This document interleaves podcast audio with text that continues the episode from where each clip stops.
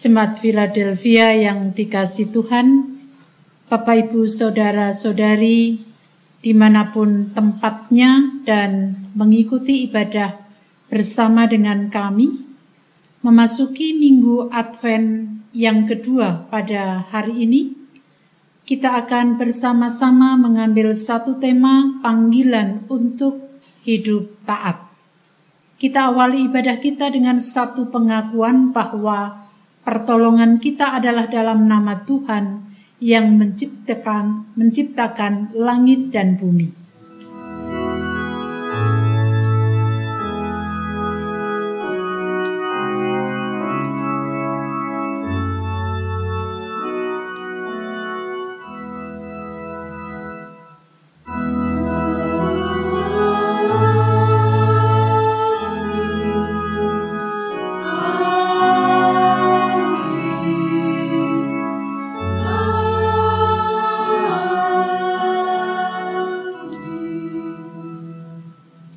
Kasih karunia dan damai sejahtera dari Allah Bapa kita dan dari Tuhan Yesus Kristus menyertai saudara sekalian.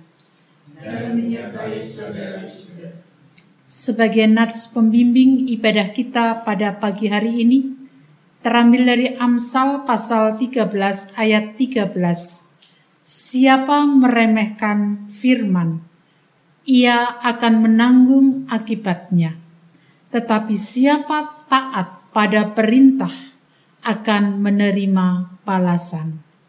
Kita merindukan, merindukan kedatangan Tuhan yang kedua kali dan saat ini kita sudah memasuki masa Advent yang kedua.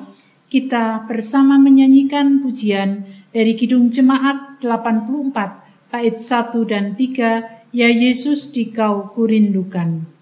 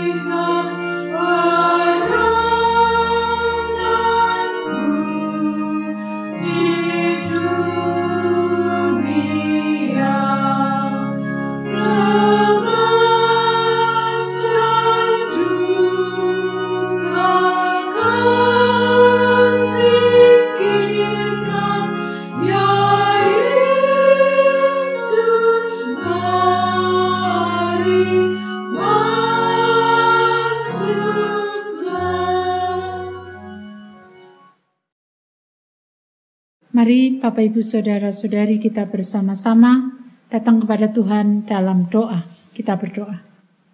Dengan segala kerendahan hati kami datang kepadamu Tuhan, membuka seluruh kehidupan kami di hadapanmu. Engkau jauh lebih mengetahui apa yang kami lakukan dan sering kali apa yang kami lakukan tidak mengikuti apa yang menjadi kehendak Tuhan. Ampunilah ya Tuhan, dan ajarkan kami untuk mengikuti dan taat terhadap apa yang Tuhan kehendaki. Inilah dosa kami. Kiranya kasih Kristus yang akan membebaskan dan menyucikan dosa kami. Dalam namamu kami berdoa. Amin. Pernyataan pengakuan dosa kita kita nyatakan melalui Kidung Jemaat 29 bait 1 dan 3 di muka Tuhan Yesus.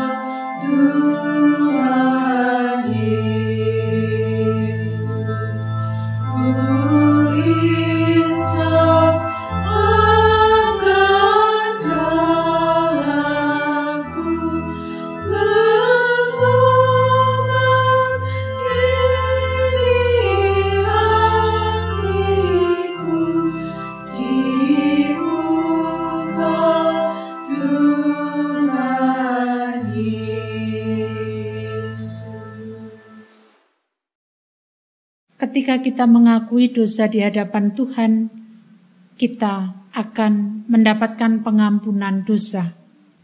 Sebagaimana dinyatakan di dalam Ibrani pasal 5 ayat 8 dan 9 merupakan sebuah teladan yang dilakukan oleh Yesus demi menebus dosa kita. Dan sekalipun ia adalah anak, ia telah belajar menjadi taat dari apa yang telah dideritanya dan sesudah ia mencapai kesempurnaannya, ia menjadi pokok keselamatan yang abadi bagi semua orang yang taat kepadanya. Demikianlah berita anugerah dari Tuhan. Syukur kepada Kita sambut dengan pujian dari Kidung Jemaat 369A, bait 1 dan 3, Ya Yesusku berjanji.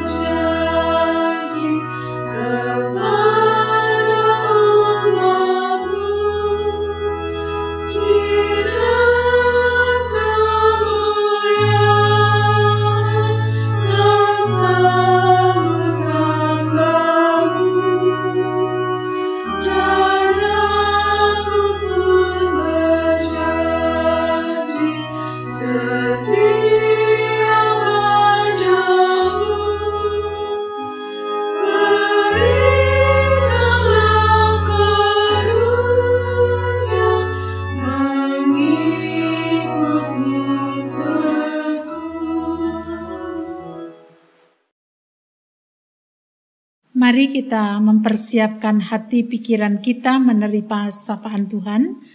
Sebelumnya kita berdoa. Allah surgawi, pagi hari ini kami membuka hati kami untuk menerima sapaanmu. Biarlah sapaanmu akan mengingatkan, menguatkan, dan mengajar kami supaya ke depannya hidup kami menjadi lebih baik lagi Inilah doa kami, dalam nama Tuhan Yesus kami berdoa. Amin.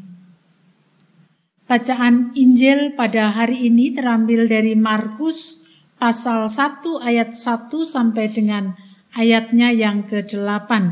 Markus 1 ayat 1 sampai dengan 8, Yohanes Pembaptis. Inilah permulaan Injil tentang Yesus Kristus, anak Allah seperti ada tertulis di dalam kitab Nabi Yesaya, "Lihatlah, aku menyuruh utusanku mendahului engkau. Ia akan mempersiapkan jalan bagimu." Ada suara orang yang berseru-seru di padang gurun, "Persiapkanlah jalan untuk Tuhan." Luruskanlah jalan baginya Demikianlah Yohanes Pembaptis tampil di padang gurun dan menyerukan bertobatlah dan berilah dirimu dibaptis dan Allah akan mengampuni dosamu. Lalu datanglah kepada orang-orang dari seluruh daerah Yudea dan semua penduduk Yerusalem dan sambil mengaku dosanya mereka dibaptis di sungai Yordan. Yohanes memakai jubah bulu unta dan ikat pinggang kulit dan makanannya belalang dan madu hutan. Inilah yang diberitakannya. Sesudah aku akan datang ia yang lebih berkuasa daripadaku. Membungkuk dan membuka tali kasutnya pun aku tidak layak. Aku membaptis kamu dengan air, tetapi ia akan membaptis kamu dengan Roh Kudus. Demikian bacaan Injil kita pada hari ini. Berbahagialah kita yang mendengarkan, merenungkan, bahkan melaksanakan dalam kehidupan sehari-hari. Maranatha.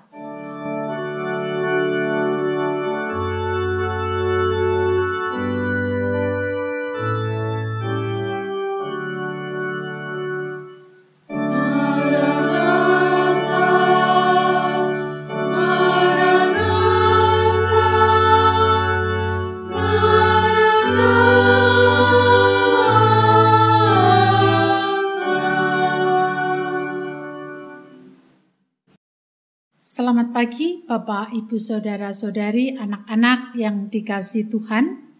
Pada pagi hari ini kita sudah memasuki minggu Advent yang kedua, sebagaimana yang sudah saya sampaikan di depan.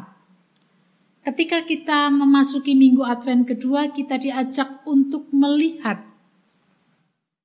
apa yang terjadi sebelum Yesus datang dan berkarya di tengah dunia ini. Itulah sebabnya bacaan kita pada saat ini berjudul dalam Alkitab kita Yohanes Pembaptis. Bapak Ibu Saudara-saudari, anak-anak yang dikasih Tuhan, kalau kita melihat bacaan kita saat ini, ini sebenarnya sedang berbicara tentang sebuah ketaatan Yohanes Pembaptis. Apa itu taat? Taat memiliki arti tunduk dan patuh pada perintahnya. Jadi ketika Yohanes Pembaptis pada waktu itu dipanggil untuk melaksanakan sebuah pekerjaan penting sesuai dengan perintahnya, sesuai dengan kehendaknya ia sadar bahwa pekerjaan penting yang harus dilakukan itu adalah pekerjaan yang tidak mudah. Bahkan dapat dikatakan sangat sulit. Mengapa? Karena dia harus mempersiapkan jalan bagi sosok yang ditunggu-tunggu oleh manusia, yaitu sosok Mesias. Tentu itu sesuatu yang tidak mudah bagi Yohanes. Yohanes merasa siapa dirinya sebenarnya. Dalam bacaan kita dikatakan bahwa ia membung hmm. Bentar, dalam uh, ayatnya yang ke-6 Yohanes memakai jubah bulu unta dan ikat pinggang kulit dan makanannya belalang dan madu hutan. Inilah yang diberitakannya sesudah aku akan datang ia yang lebih berkuasa daripadaku. Membungkuk dan membuka tali kasutnya pun aku tidak layak. Artinya sebenarnya Yohanes merasa bahwa dirinya tidak layak untuk pekerjaan penting membuka jalan bagi hadirnya sosok yang dinantikan oleh banyak orang. Tetapi Yohanes melihat bahwa tugas penting itu bukan untuk dirinya, tetapi tugas penting itu adalah untuk kepentingan yang lebih besar lagi, yaitu umat manusia. Sehingga walaupun itu sesuatu tugas yang sangat berat, tetapi dia mau menerimanya. Dia mau melakukannya dan dia taat untuk mengikuti apa yang harus dikerjakannya. Jadi ketika tugas berat itu diberikan dia tidak menolak, tetapi justru sebaliknya taat Bahkan di dalam melaksanakan tugas tanggung jawabnya, Yohanes tidak kenal lelah untuk menyampaikan apa yang harus diberitakan. Pertanyaannya adalah, mengapa ia bisa taat? Yang pertama, karena ia dipanggil oleh Tuhan sendiri untuk menyatakan itu. Jadi dia melakukan itu bukan kehendaknya sendiri. Aku ingin melakukan bukan karena kehendak Yohanes, tetapi karena dia diutus dipanggil untuk melakukannya. Maka dia bisa taat. Bukan yang menghendaki, tetapi Tuhan yang menghendaki. Yang kedua, dia tahu bahwa pekerjaan yang dilakukannya itu adalah untuk keselamatan manusia. Dia tahu bahwa pekerjaan yang dikerjakannya itu adalah untuk kepentingan umat manusia yang lebih luas lagi. Maka kemudian dia mau melakukan itu bukan karena dirinya, tetapi karena Tuhan dan untuk sesamanya. Dan ketika Yohanes mau melakukannya dengan kerendahan hati, mengapa dikatakan rendah hati? Tadi sudah saya jawab, membungkuk dan membuka tali kasutnya pun aku tidak layak. Sebenarnya dia merasa diri bahwa tidak layak untuk melakukan pekerjaan besar ini. Yohanes tetap melakukan hal itu dengan segala kerendahan hati.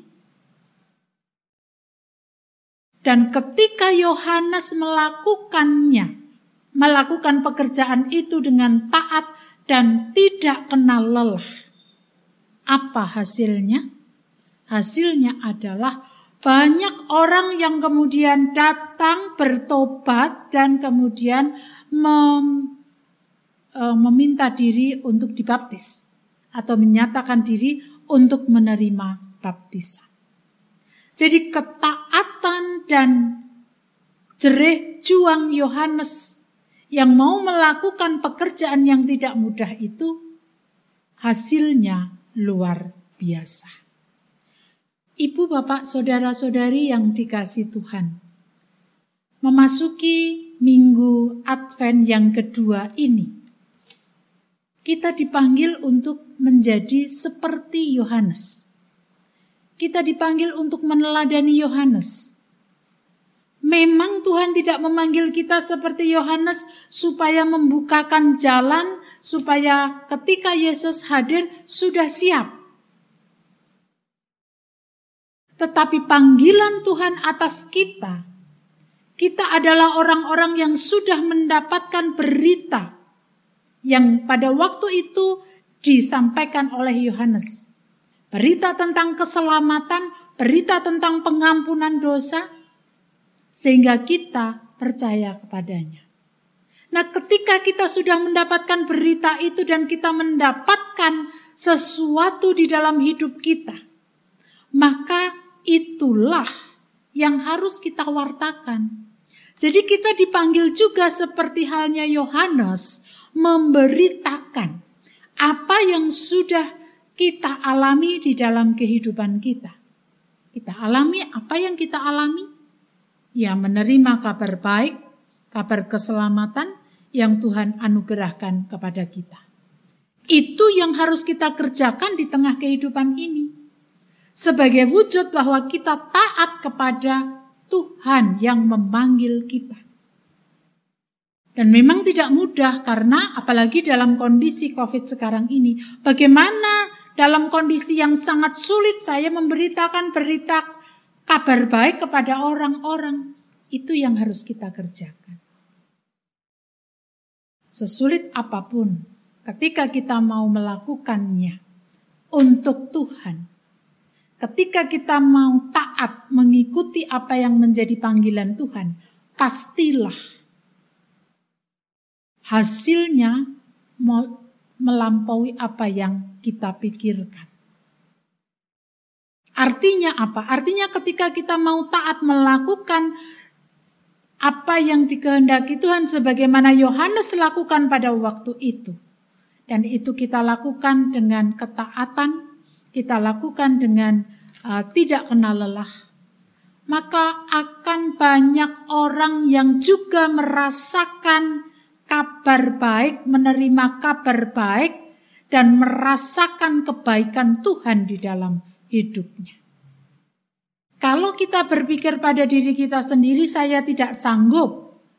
Itu berarti kita tidak mau melakukan sebagaimana yang Yohanes lakukan. Yohanes mungkin pada waktu itu kalau diminta untuk jujur tidak sanggup. Tetapi karena ketaatannya kepada Tuhan, ya dia lakukan itu karena itu panggilan Tuhan dan itu dilakukan untuk kepentingan umat manusia yang lebih besar lagi. Kalau saat ini kita dipanggil supaya kita memberitakan kabar baik melalui tindakan kita yang konkret. Dua minggu yang lalu sudah saya singgung bahwa jemaat Philadelphia akan masuk ke usia 8 tahun. Apa yang sudah kita kerjakan? Sudahkah kita memberitakan kabar baik kepada orang-orang yang membutuhkan melalui aksi kita yang nyata. Mungkin kita katakan gereja saya kecil, gereja kita kecil, kita tidak bisa. Kalau kita sudah mengatakan seperti itu ya kita tidak akan bisa.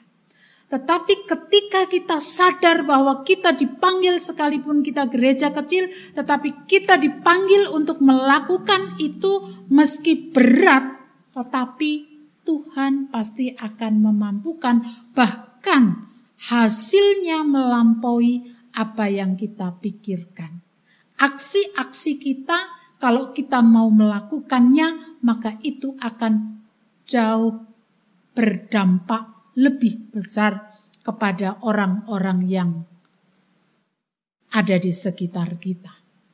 Oleh karena itu, pertobatan kita dalam masa Adventus yang kedua ini bukan sebuah ritual, tetapi aksi nyata yang harus kita nyatakan di dalam kehidupan kita sebagaimana kita meneladani Yohanes untuk taat dan tidak kenal lelah melakukan pekerjaan yang Tuhan anugerahkan kepada kita. Mari kita wujudkan itu dalam kehidupan ini sehingga ketika Tuhan datang kita sudah siap menerimanya. Amin saat teduh bagi kita semua.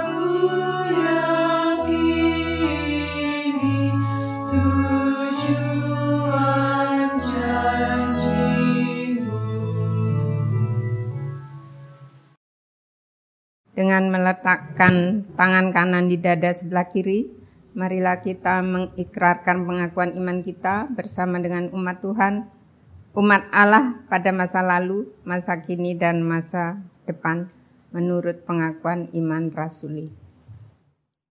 Aku percaya kepada Allah, Bapa yang Maha Kuasa, Khalik langit dan bumi, dan kepada Yesus Kristus anaknya yang tunggal Tuhan kita, yang dikandung daripada roh kudus, lahir dari anak darah Maria, yang menderita di bawah pemerintahan Pontius Pilatus, disalibkan, mati dan dikuburkan, turun ke dalam kerajaan maut. Pada hari yang ketiga, bangkit pula dari antara orang mati, naik ke surga, duduk sebelah kanan Allah, Bapa yang Maha Kuasa, dan akan datang dari sana untuk menghakimi orang yang hidup dan yang mati. Aku percaya kepada Roh Kudus, gereja yang kudus dan am, persekutuan orang kudus, pengampunan dosa, kebangkitan daging, dan hidup yang kekal. Mari Bapak Ibu Saudara kita berdoa. Kami bersyukur untuk kebaikan-Mu ya Tuhan.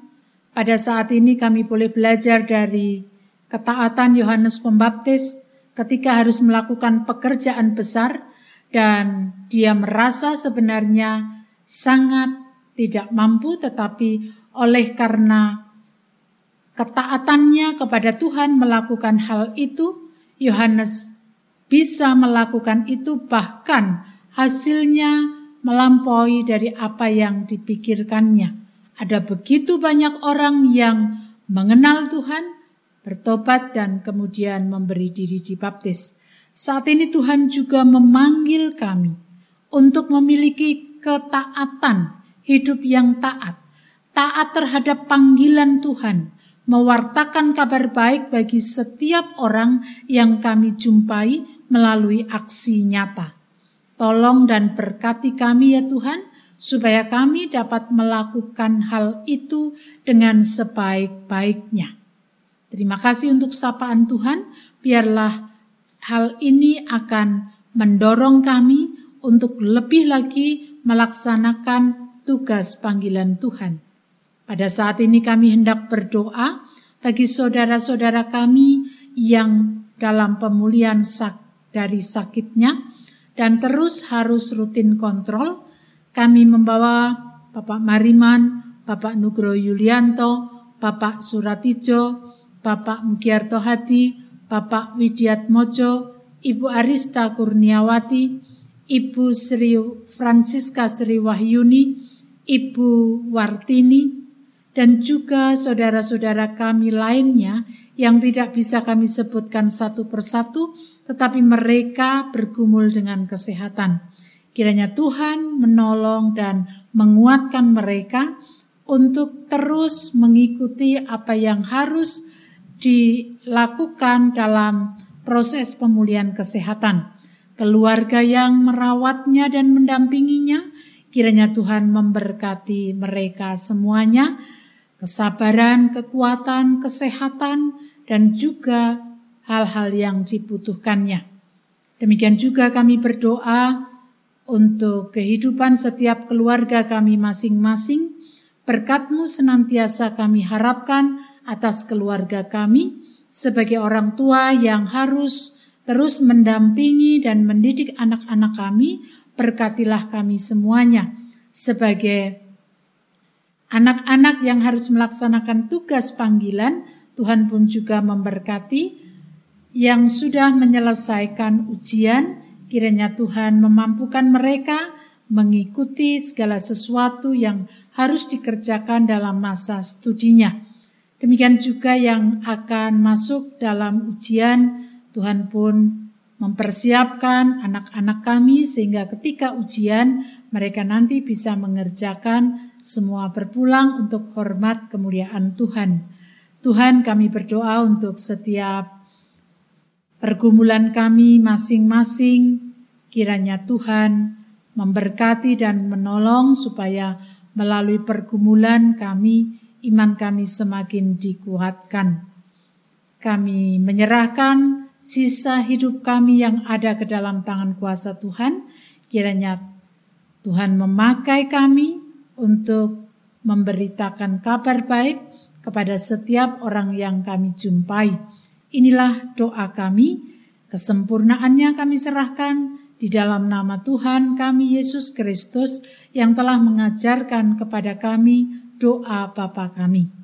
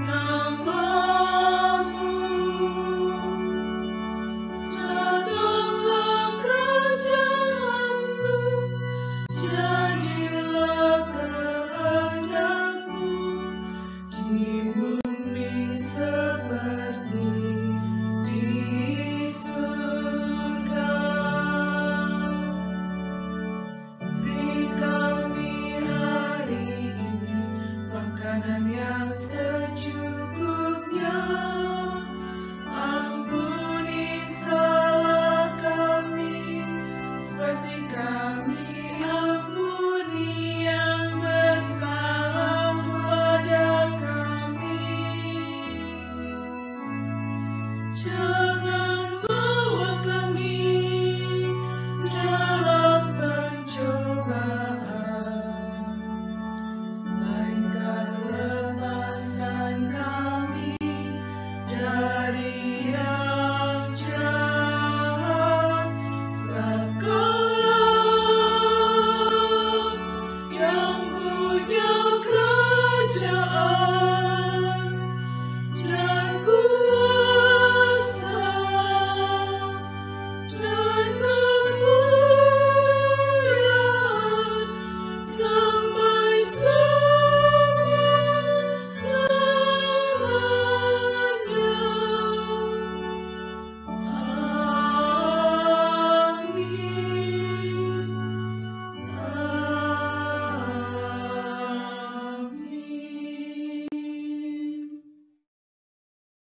Ungkapan kasih yang kita nyatakan dalam bentuk persembahan hidup merupakan cara kita mengucap syukur atas pekerjaan Tuhan yang dianugerahkan kepada kita.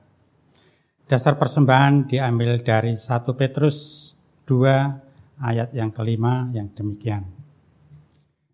Dan biarlah kamu juga dipergunakan sebagai batu hidup untuk pembangunan suatu rumah rohani bagi suatu imamat kudus untuk mempersembahkan persembahan rohani yang karena Yesus Kristus berkenan kepada Allah. Kita menyanyikan Kitung Jemaat 450 bait pertama dan kedua, hidup kita yang benar.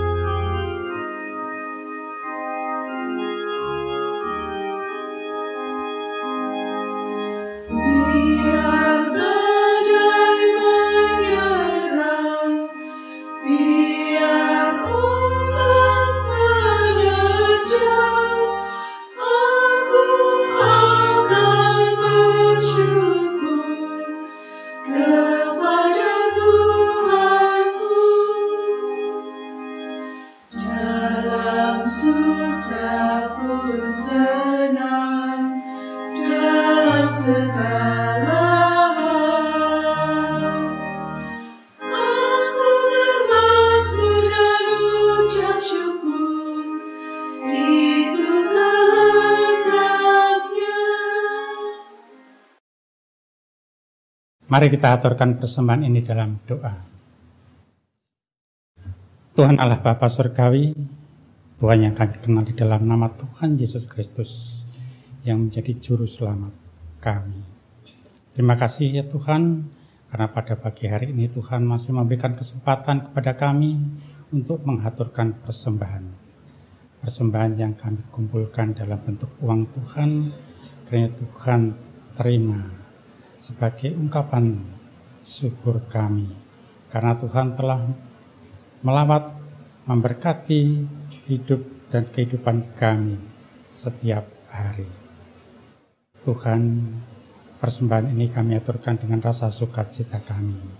Kiranya Tuhan memberkati dan menerima persembahan ini sehingga persembahan ini dapat menjadi bermanfaat bagi kehidupan jemaat Tuhan di sini di dalam kami memuji dan memuliakan nama Tuhan. Tuhan, apabila ada kekurangan kami di dalam kami mempersembahkan persembahan ini, kiranya Tuhan mengampuninya.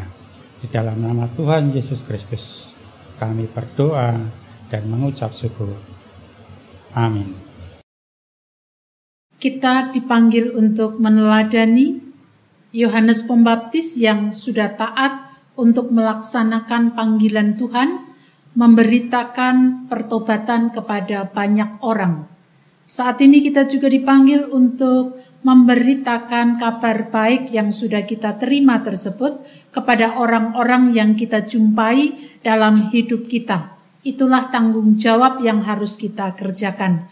Mari kita bersama-sama untuk menyanyikan PKC 148 bait 1 dan 3. Terima kasih ya Tuhanku.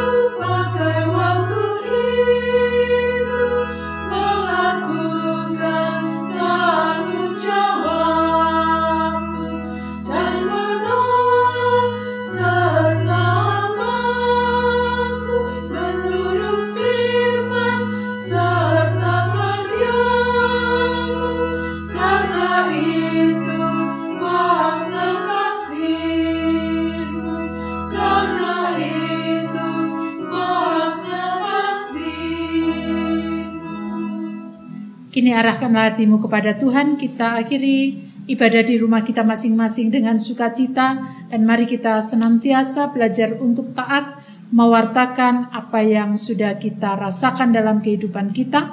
Kini terimalah berkatnya. Kasih karunia Tuhan Yesus Kristus dan kasih Allah Bapa serta persekutuan Roh Kudus menyertai saudara sekalian selama-lamanya.